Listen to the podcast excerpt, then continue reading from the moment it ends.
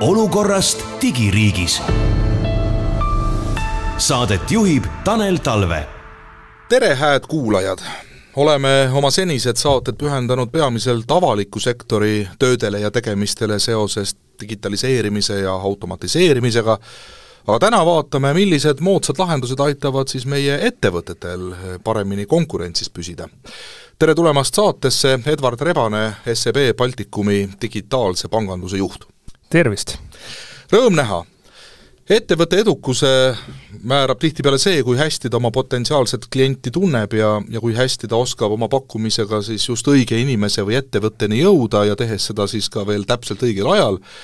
ja miks ma ütlen tihtipeale, on see nii, sest et nii mõneski valdkonnas ka Eestis see reegel ju ei kehti, noh, kas on siis tegemist monopoolses seisus ettevõttega või on ettevõtete grupp omavahel midagi kokku leppinud ja mine kelle juurde tahad, väga vahet ei ole, et noh, selles mõttes sellisest tavapärases mõistes konkurentsist pole juttu ja ma ei tea, kuidas nendel ettevõtetel üldse on väga palju vaja siis pingutada uue kliendi saamise nimel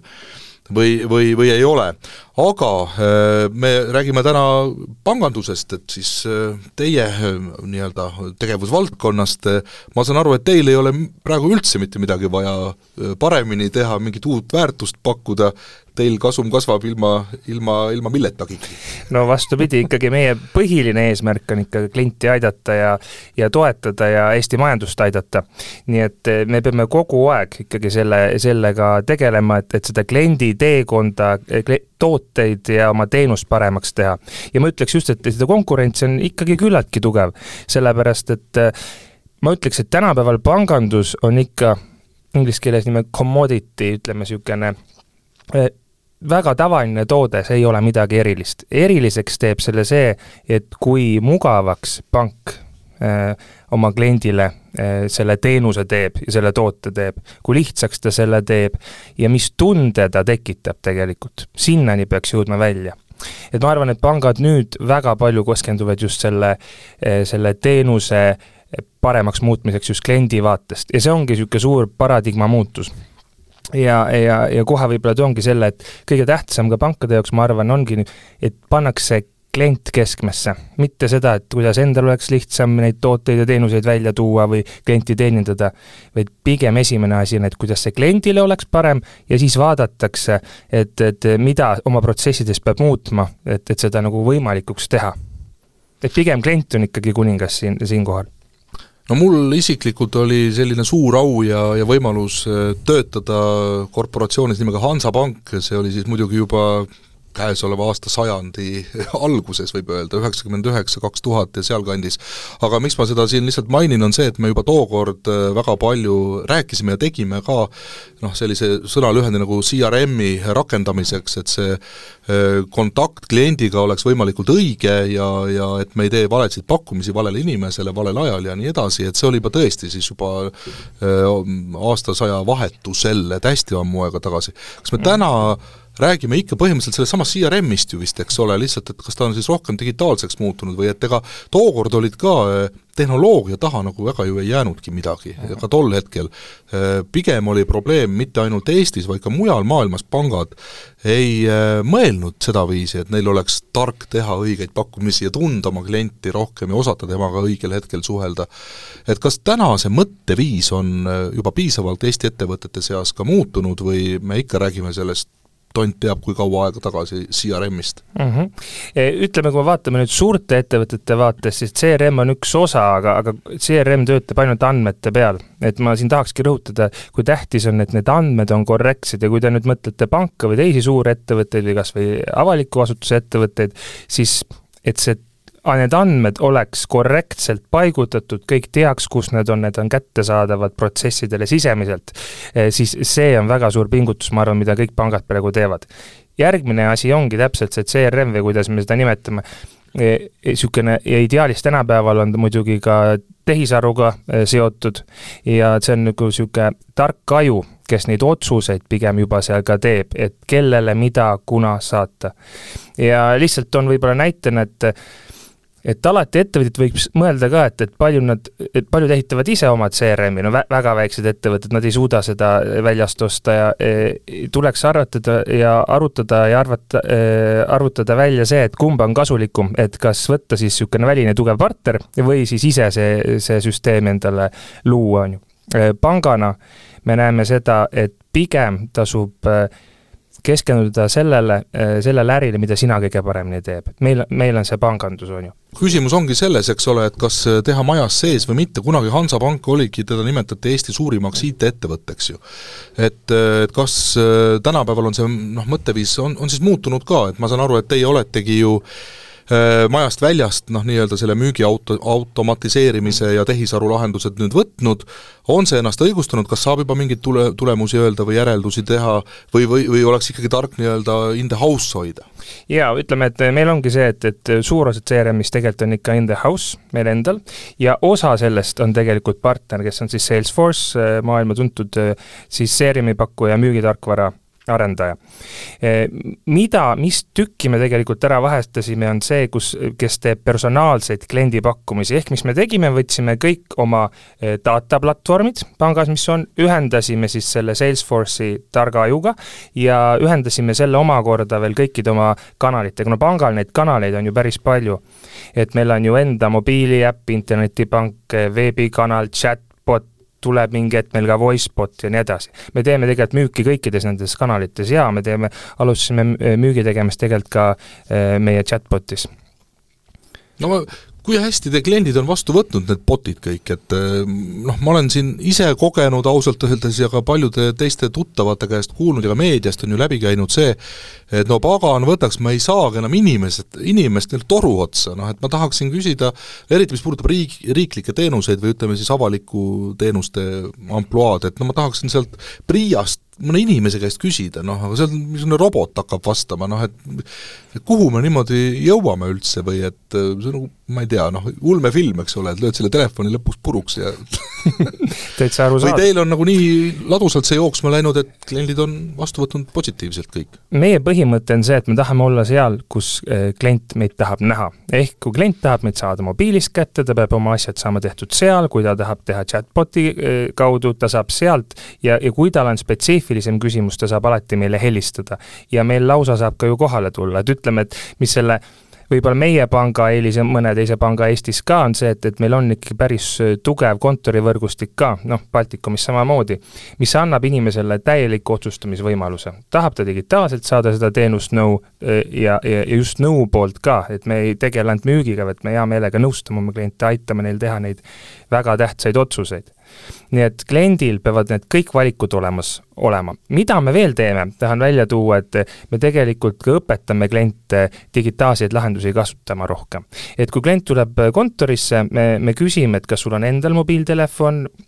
ja, ja järsku sa ise saaksid, et me õpetame sulle, kuidas sisse logida, kuidas ise neid tooteid tellida endale. et ma arvan, et see on ka niisugune äh, ühiskonna väike arenduse panus no see kliendi tundmine ja õigel ajal õige pakkumise tegemine noh, ongi üks parasjagu keeruline ja selline mitme otsaga asi ka, et noh, ühest küljest ma olen ju tõesti rõõmus, kui teie pank, ma ei tea, minusugust maksejõuetut oma laenude ja igasuguste investeerimispakkumistega üle ei külvaks ja, ja ei tüütaks, sest noh, minu, minusugusele mõjub see pigem mõnitamisena, eks ole, et investeeri ja, ja tee mida iganes, eks ole, aga ma, tegelikult ei ole ma selleks võimeline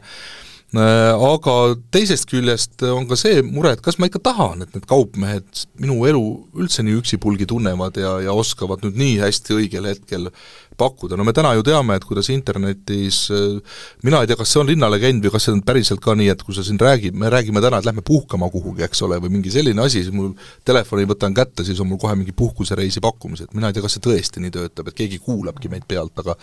noh, meie käitumist ju jälgitakse tegelikult päris kõvasti. Mhm. ja siin ma väga toonitan seda, et pangana meie kõige tähtsam asi on ikka kliendi usaldus ja, ja, ja selle nimel me teeme kõige rohkem tööd. ehk et üldse kasutada, ütleme, klientide siis käitumuslikke andmeid, me küsime nõusolekut ja kui seda nõusolekut ei ole antud, siis me ei tee ühtegi sellist tegevust. aga kui ta ei anna nõusolekut, siis te ikka teenindate teda edasi või? teenindame ikka Sest..., aga mida me ei tee, me ei saa talle teha personaalseid pakkumisi, nii et ma tegelikult inimestel pigem soovitan anda see nõusolek, miks? sellepärast, et siis sa, sa saad vähem neid pakkumisi, mis pole sulle üldse mõeldud, noh. ja, ja, ja sa võid ka saada väga vajalikku abi, siis me võime sulle pakkuda personaalset abi kui sa selle nõusoleku oled andnud. et meil on suur fookus just sellel, et, et seal me peame olema juriidikas väga, oleme väga korrektsed, et, et sinna eh, palju fookust panema, mis ma tahtsin juurde öelda sellest, ennem rääkinud CRM-ist ja kõik sellest ja Salesforce'i koostööst. Et, et suur komponent on seal ikka see tehisaru, see tehisaru saab siis aru, eh, millist kanalit see klient kasutab, no saab näiteks aru, et sina kasutad äh, mobiili kõige rohkem pangateenust, äh, teenuste kasutamiseks ja siis need pakkumised tulevad sinu mobiili, pluss ta saab aru, mis kellaajal sa isegi kasutad seda, seda mobiili. et ta ei hakkaks sind öösiti või niisugustel aegadel äh, ütleme siis tülitama. ja, ja väga tähtis asi on ka see, et mida me panga poolt ise teeme, need, kes on andnud selle nõusoleku, et me ei tülitaks neid kliente liiga palju, pigem see eesmärk on see, et sa saad ainult endale vajalikud pakkumised eh, õigel ajal, siis kui sulle tegelikult kõige paremini see sobib. see on see eesmärk, muidugi sinna on pikk tee minna ja selle, selle nimel meie tiim ka palju tööd, tööd teeb mul tuli praegu jälle, väga vabandan, aga sellest oma, oma neiupõlvest meelde, kui ma seal Hansapangas töötasin. muide, ma korra küsin, kas teie pangas ka neid kliente, kes on täitsa maksujõuetud ja, ja noh, nii-öelda mõttetud, neid ka kährikuteks hüüate veel või? mõttetuid kliente ei ole kunagi olemas, et me võtame ikkagi kõiki kliente võrdselt jah, no ma lihtsalt tahtsin ühe loo rääkida, et sellesama CRM-iga seoses, et ja, ja küsida ka, et, et kui hästi see ikkagi lõpuks töötab, kogu see tehisarundus ka, et me, et oli selline juhus, kus oligi siis selline klient, kes noh, ei olnud äh, igasuguste näitajate poolest just kõige noh, ütleme siis võimekam investeerima, laenu võtma, mida iganes tegema, äh, temaga nagu väga ei, ei tahetud ikkagi tegeleda, noh, olid sellised ajad, et oli paremaid kliente, eks ole, ja mis me ikka taga siis väga seal tähelepanu pöörame, küll jäädi viisakuse piiridesse ja kõik aga selgus, et tolle inimese abikaasa oli üks väga tähtis ja suur äh, ettevõtja tol hetkel juba Eestis,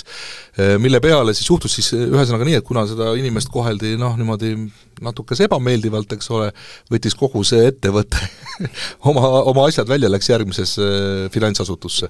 et kas seal täna ka, et ai-d ja kõik on ju väga toredad, et suudab, no ta kuidas ta neid otsi kokku viib seal, et ei tekiks nagu selliseid imelikke olukordi? see on jälle see, see, millest ma natuke ka alguses alustasin, see, need andmed, sul peab olema mitte jällegi pangavaade, vaid tegelikult sul peab olema kliendi ümber ehitatud äh, siis erinevad seosed ja see vaade, et see peab kohe välja tulema, mis ettevõtted sul on ja nii edasi, et seda klienti kõige paremini teenindada. ja kindlasti me ei tee üldse selliseid e, erisusi ühe, ühegi kliendi vahel, et kõik kliendid on meile väga, väga tähtsad. Ja mis investeerimisest lihtsalt öelda, et eh, kindlasti sa võid alustada investeerimisega, sest meie eh, pangana pigem jälle võtame selle missiooni, et me tahame, et rohkem inimesi investeeriks, pole vahet, kas üks euro kuus eh, või, või, või on need suuremad summad, aga alustada tuleks, et, et seda õppida. ja me oleme lansseerinud jälle ühe digitaalse toote esimesena Baltikumis, Roboinvestor, mis teeb selle kõigile lihtsaks, selle investeerimise ja, ja palju töötubasid meil on selle investeerimisega seotud, et me näeme, et Eesti, et Eesti rahvas läheks rikkamaks, siis äh, tuleb õpetada äh, investeerima. räägime kaks sõna lähemalt sellest äh, robost, järjekordne bot, jah? kes otsustab minu eest, mis aktsiaid osta või, või kuhu ma siis investeerida saan tema abil? ta annab, ta annab ja nõu, et milliseid ETF-e või, või milliseid fonde, mis sinule kõige paremini sobiks. see lihtsustab seda valikut, ütleme inimesele, kes seda maailma nii hästi ei tea no siiamaani on olnud inimesed, kes seda ju soovitavad, maa, maaklerid ja nii edasi. täpselt, ja sellepärast see digitaliseerimine minu arust ongi hea, et kogu tänase selle jutu põhiiva on ka see, et et kuna klienditeenindus on nii pangale kui kõigile suurettevõtetele number üks asi ja peaks olema, klient on, on kuningas, siis kuidas seda teha võimalikult personaalselt. kõigiga tänapäeval üks-ühele niimoodi tund aega, nagu meie siin, kohtuda lihtsalt ei jaksa, see on võimatu, nii palju töötajaid meil ei ole ja kellelgi ei ole. aga digitaalsete lahendustega on see võimalik aga ikkagi mõni niisugune toode pangandusest ka, ma arvan, et jääb pikemaks ajaks, kus ikkagi see näost näkku kohtumine võib olla väga, väga teemaks ja see on näiteks esimene kodulaen, sest see otsus inimesele on väga suur ja, ja seal pank saab reaalselt ka nõu anda, et see ei ole tegu ainult müügiga, vaid ma ütleks, et see on niisugune partnerlus ja nõustamine paljuski ka nii et kindlasti see on üks toode, mis pikaajaliseks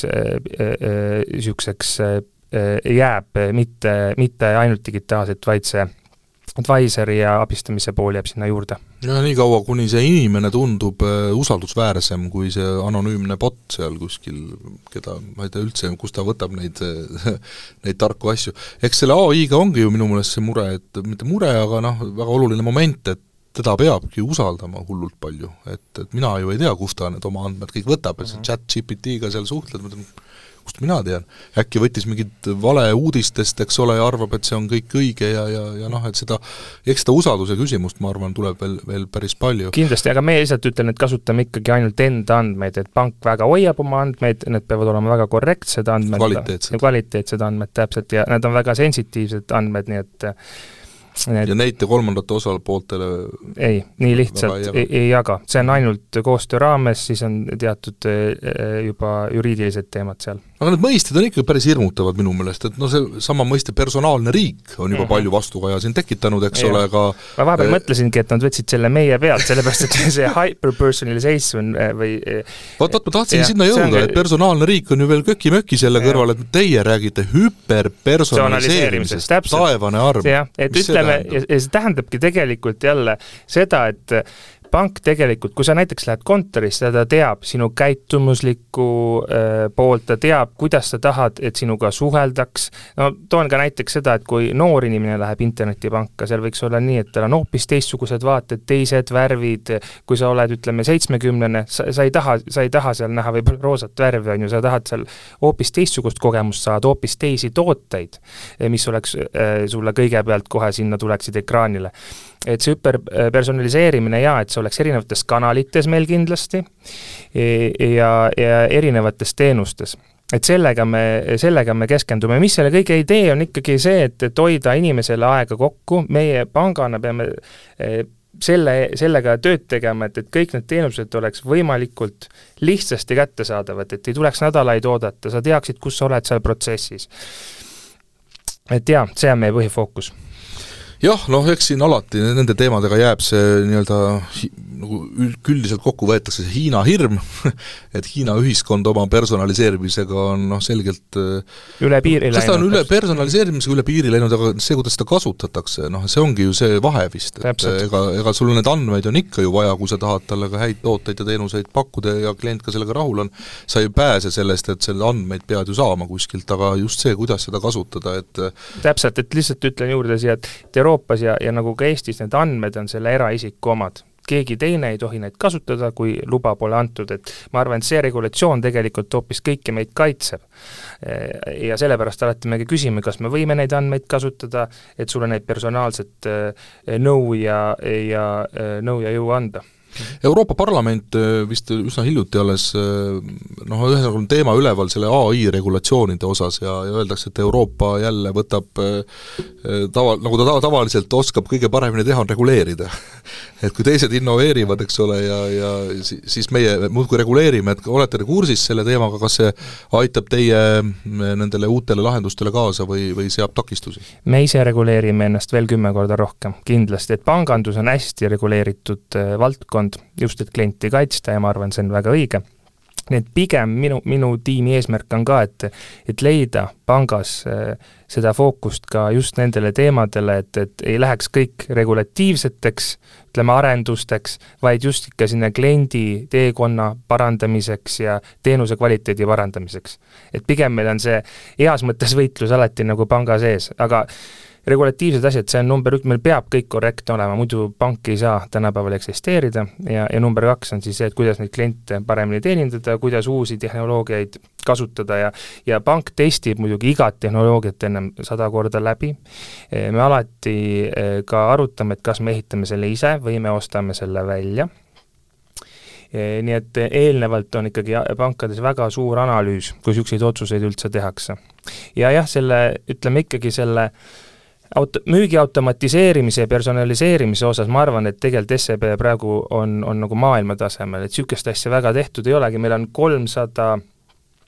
automatiseeritud kliendi teekonda siis praegu laivis ja see on siis pooleteist aasta töö. et neid tuleb veel juurde neid me kogu aeg parandame. mõned mõisted veel, mis mulle tundub, et võiks me üle käia veel. üks asi on digitaliseerimine, millest on palju räägitud. teine mõiste on digiteerimine. mis neil nüüd siis vahet on? oi, see on väga hea küsimus. ja, ja siin on endal ka häid õppetunde, mida, mida, mida valesti tehtud ja millest õpitud, et digiteerimine tähendab seda, et sa võtad ühe protsessi ja teed selle digitaalseks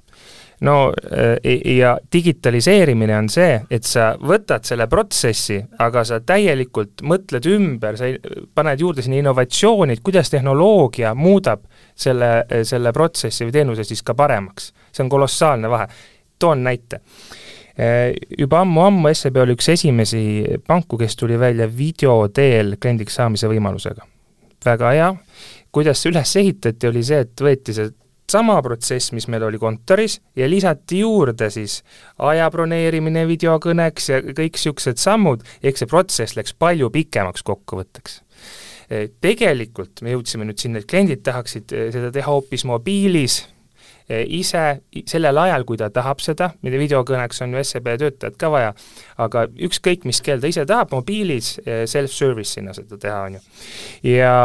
ja see ongi see vahe, et me tegime terve selle protsessi üle äh,, ringi tehnoloogiat arvesse võttes ja, ja tegime selle mobiili, kliendid väga rahul. kasutame muidugi ikka seda video, videokohtumist ka, aga pigem siis klientide nõustamiseks et kui klient ei jõua tulla või ta ei soovi tulla kontorisse, siis me saame ka video teel teda nõustada kui palju teid on aidanud või siis vastupidi, seganud riigi tegevused selles eh,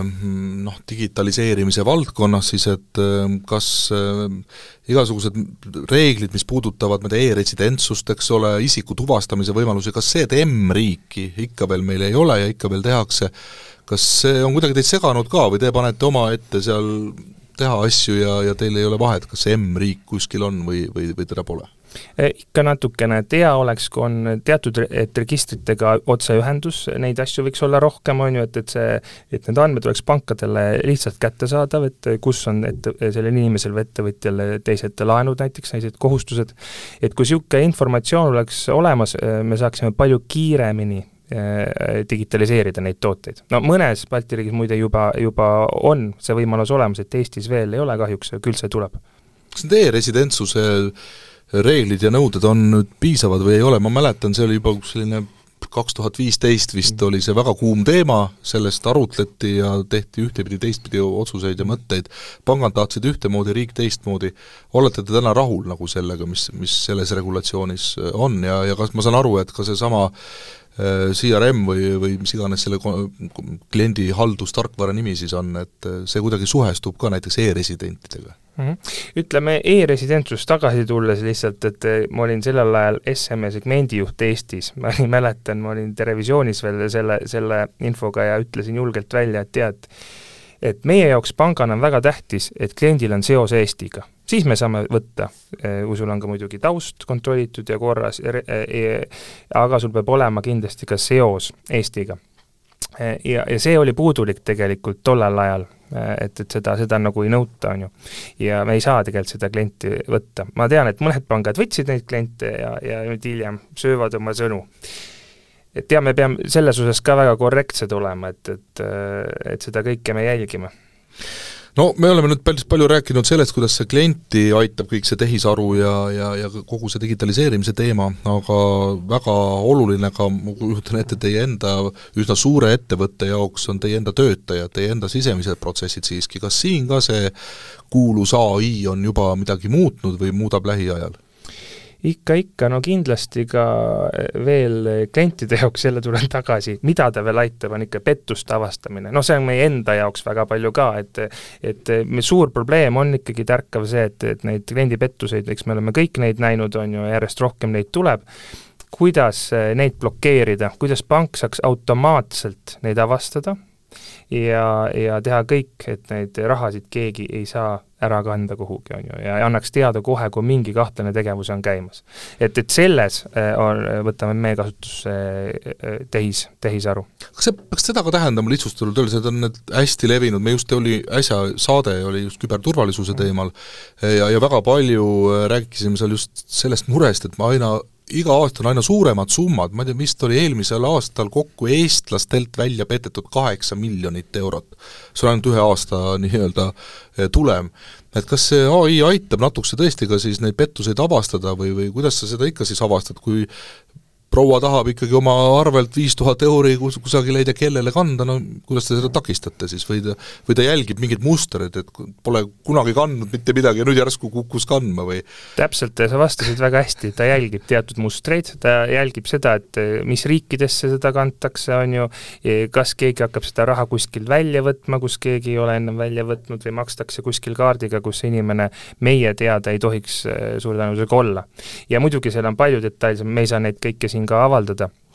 äh, aga, aga neid erinevaid mustreid, mida me, mida me jälgime ja ükski inimene ei suudaks seda füüsiliselt jälgida, et sellepärast see digitaliseerimine ja tehisaru seal tuleb meile väga palju appi ja, ja, ja hoiab raha kokku meie kodanikele. no väga loodan, et see tõesti kuidagi natukesegi olukorda leevendab, sest et äh, ma ei tea, minu isiklikul hinnangul on see asi täitsa käest ära, et see on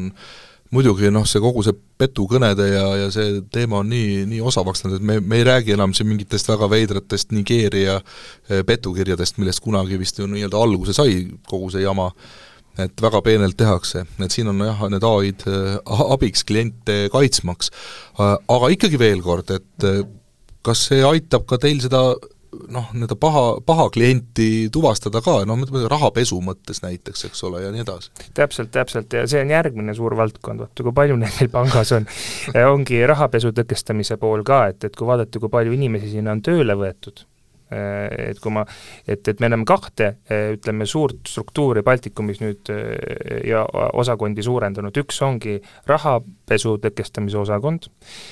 sadu inimesi Baltikumis võetud juurde viimaste aastate jooksul ja teine on siis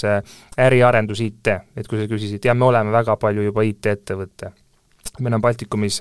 IT ja, ja tootearenduse organisatsioonist circa seitsesada inimest muljetavaldav. muidugi ma just tahtsin jõuda sinna tööjõuni, et kõik me ju räägime sellest, et äh, mitte tuleviku mõistes, vaid juba ongi ju see digitaliseerimine, robotiseerimine äh, põhjustanud olukorra, kus tootlikkus on kasvanud, aga noh, töökäsi piltlikult öeldes läheb aina vähem vaja. kas teil, kuidas teil need prognoosid on, et ma saan, te võtate hoopis juurde inimesi, et teil peaks ju need ai-d, asjad, kõik botid on teil ju, mis te nende inimestega pihta hakkate enam? pigem võtame hoopis juurde, täpselt hästi vastasid, et me vajame hoopis ka teisi kompetentse ja me õpetame oma inimesi ka ümber, et et me ei soovi kindlasti vähendada, ütleme, oma füüsilist,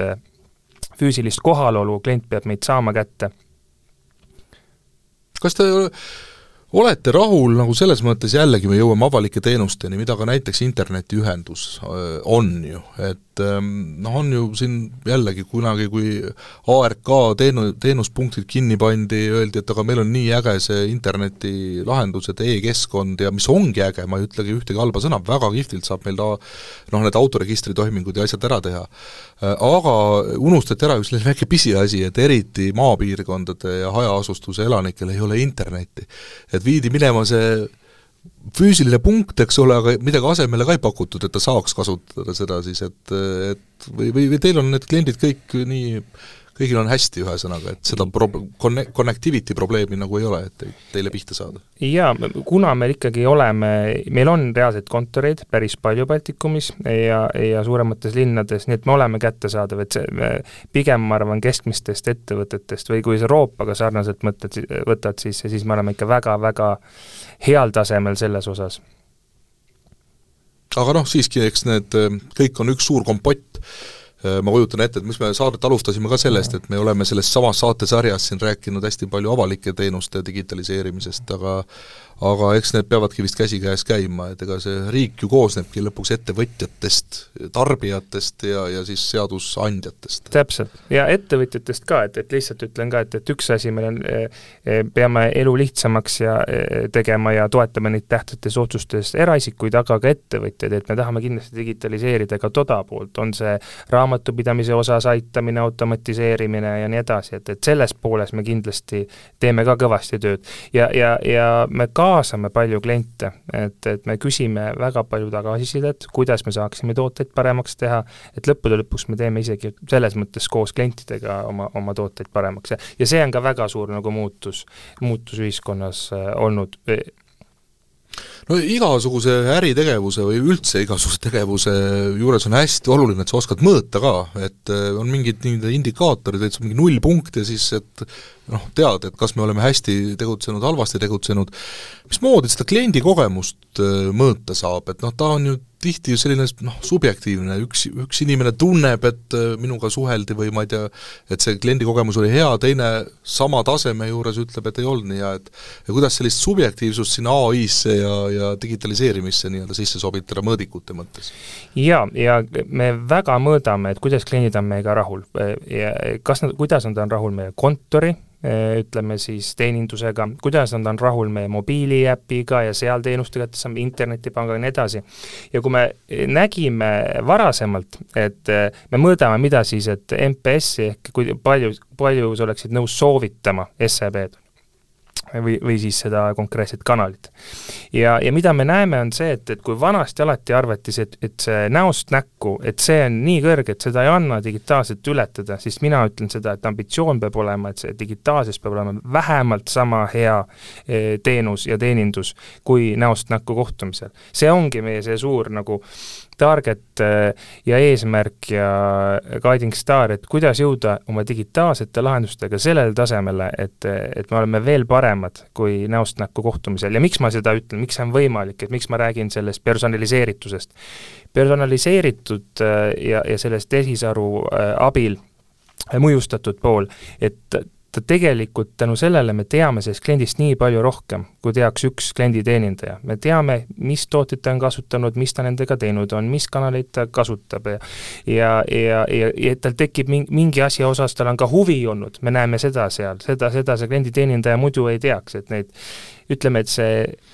et see tehisaru lõpuks ongi targem, ta võtabki kõikide nende tarkade inimeste mõtted kokku siis. Kui me võtame siia lõpetuseks ühe sellise suures noh, keskmise kliendi, kui nii üldse saab noh, võtta, eks need on hästi erinevad kindlasti, aga siiski, et kui palju üldse inimesel täna kokku puutub nagu, et palju tal on vaja selle pangaga üldse suhelda, no ma ei suhtle, ma ei tea, Eesti Energiaga ka eriti, eks ole, sest mul on kõik automatiseeritud maksmisprotsessid ja asjad, eks ole, et palju teil ma üldse selle pangaga tahan siis või suudan, mul on eluasemel, ma olen ennast täis laenanud, laenu ma niikuinii võtta rohkem ei saagi, eks ole, noh, maksed lähevad automaatselt kõik ära, milleks kõik see pingutus, mida me siin oleme nelikümmend minutit rääkinud, üldse vajalik on? no ideaalis ma ütleks ka, et pank võiks olla nähtamatu. ma arvan, et see on ka, ütleme, väga kaugem tulevik ongi pigem see, et sa ei pane seda panka tähelegi. keegi ju ei taha konkreetselt pangalaenu, sa tahad oma kodu, sa tahad oma korterit või maja. see peaks käima nii, et, et, et sa ei peagi pangaga tegutsema, aga sinna on lihtsalt pikk tee veel minna. kas see tulevik on ikkagi see, et pankasid pole vajagi enam? Ma arvan, et ikka kedagi on vaja, kes selle raha kokku kogub ja annab siis nendele, kes, kes parasjagu seda vajavad. no see on ai, teeb ära ju mis teie seitsesada inimest, kes teil seal on praegu, et kas nad ikka, väike värin on ikka sees? no muidugi ma arvan, et see ei juhtu lähiajal, eks ole, aga me oleme näinud, kui kiiresti need mõnikord ulmelisena tunduvad asjad ju päriselt ellu rakenduvad. ja siis on tegelikult jama, sest et ühiskond ei ole valmis nendeks suurteks muutusteks nii kiiresti. Pole piisavalt neid nii-öelda harjutatud selle mõttega mm. -hmm. raha, äh, rahamajandus, tervishoid, kõik sellised valdkonnad äh, tegelikult on need, kus äh, see usaldus on kriitilise tähtsusega. ehk ma arvan, et pangad on senikaua, kui nad, kuni nad on väga usaldusväärsed, eh, sest et me ei tahaks ju oma raha anda kellelegi, eh, kelle kohta me täpselt ei tea, kuidas ta sellega käitub, kuidas ta oma kliente teenindab, nii edasi, nii et ma arvan, et niisugused kriitilised teenused, need ettevõtted jäävad alatiseks olema, kuidas, ma arvan, et meie teenindusmudel võib muutuda, näiteks embedded lahendused, et pigem ei ole jälle seda ta-, panka seal taga näha, et me finantseerime sinu kodu, et me teeme selle nii mugavaks, aga me oleme ikkagi, ikkagi olemas, et sind toetada. et kokkuvõtteks ma ütlengi, meie eesmärk on klientidele selle personaliseerimisega teha elu paremaks, me ei, et me ei tülitaks neid mõttetute sõnumitega. ja korduvalt. ja korduvalt, täpselt. ja, ja annaksime ka nõu, et ma ütlen alati, et minu, minu kaks fookust ongi, üks on see müügipool, muidugi ettevõtja ja pank peab oma müüki tegema, aga teine pool on ikka see nõustamise pool, anda tagasi kliendile, käitumuslikult ka eh, eh, leida erinevaid mustreid inimestelt ja nõustada, et näed, eelmine kuu sa kulutasid tavapärasest rohkem, järsku oleks mõistlik natuke eh, nüüd säästa ja, ja nii edasi ja, ja kuidas siis seda lihtsamalt investeerida, et et me pigem ikkagi proovime kasvatada seda Eesti majandust ja, ja toetada neid inimesi. ja, ja see on nüüd eraisiku vaates, aga ettevõtteid ka, pank leiab alati uusi lahendusi, kuidas toetada, et ettevõtjatele me aitame ka seda poolt, et kuidas rohepöördest kasu lõigata, kuidas õigeid investeeringuid teha, mida on teinud teised, me isegi nõustame, meil on spetsialistid, kes ainult sellel teemal ka nõustavad näiteks, et nii et seda inimlikku suhtlust õnneks siiski veel on jaa, kindlasti on. bot veel võib-olla ei nõusta mind no.. klient otsustab, kas ta tahab inimest näha või ta tahab digitaalselt teha. Ja siin on ka erinevates vanusegruppides kindlasti teema, et, et nooremad inimesed võib-olla nad ei tahagi seda aega raisata, et üks-ühele kokku saada, ta teeb selle mobiilis väga lihtsalt selle toimingu ära, aga mõni inimene eh, või mõni vanusegrupp soovib rohkem kohtuda ja, ja see on ka väga okei. okay lihtsalt me tahame neile ka õpetada, et kui nad alati ei saa tulla kontorisse, et kuidas nad saaksid selle ise kodus ka ära teha. No selline ühiskondlik olukord, kus me täna oleme, rahvusvahelise olukorra, majandussituatsiooni, kõige muu puhul on vast tekitanud noh, võib-olla pisut sellist negatiivset mainet pangandusele kui sellisele, noh te olete ju liigkasuvõtjad, eks ole, kes suplevad rahas ja, ja, ja noh, kes nii-öelda lihtsast inimesest ei, ei hooli. et täna nüüd teie juttu kuulates ma noh, pigem tundub nagu vastupidi, et teie see mõte on ikkagi see, et jõukas klient on ka teile parem kui see, et talt viimane ära võtta ja, ja et ta välja sureb. täpselt, kasvatame koos eh, jõukamat ühiskonda ja, ja ettevõtjaid kindlasti, et see ongi meie ja, ja, ja SEB ka alati vaatab seda pikaajalist, pikaajalist vaadet. Et jõukus ei tule kellelegi ühe päevaga, et et seal teekonnal saab olla juures partner ja me kogu aeg otsime, kuidas olla parem partner, kuidas olla siis füüsiliselt, aga järjest rohkem, et kuidas olla digitaalselt parem partner Rõõm kuulda, me nii palju veel headele kuulajatele informatsiooniks, et sellest müügiautomaatika, eesti keeles vist võib nii öelda, parimatest praktikatest saab lähemalt äh, kuulda kaheteistkümnendal märtsil toimuval Balti e-kaubanduse foorumil, nii et kellel tõsisem huvi, siis paluks külastada aga hääd kuulajad, selline saigi siis seekordne saade pealkirjaga Olukorrast digiriigis. saatejuht Tanel Talve külaliseks oli seekord Edward Rebane SEB Pangast. arukat digikäitumist ja kuulmiseni! olukorrast digiriigis on Majandus- ja Kommunikatsiooniministeeriumi tellitud riigi IT-teemaline podcast. projekti on kaasrahastanud Euroopa Liit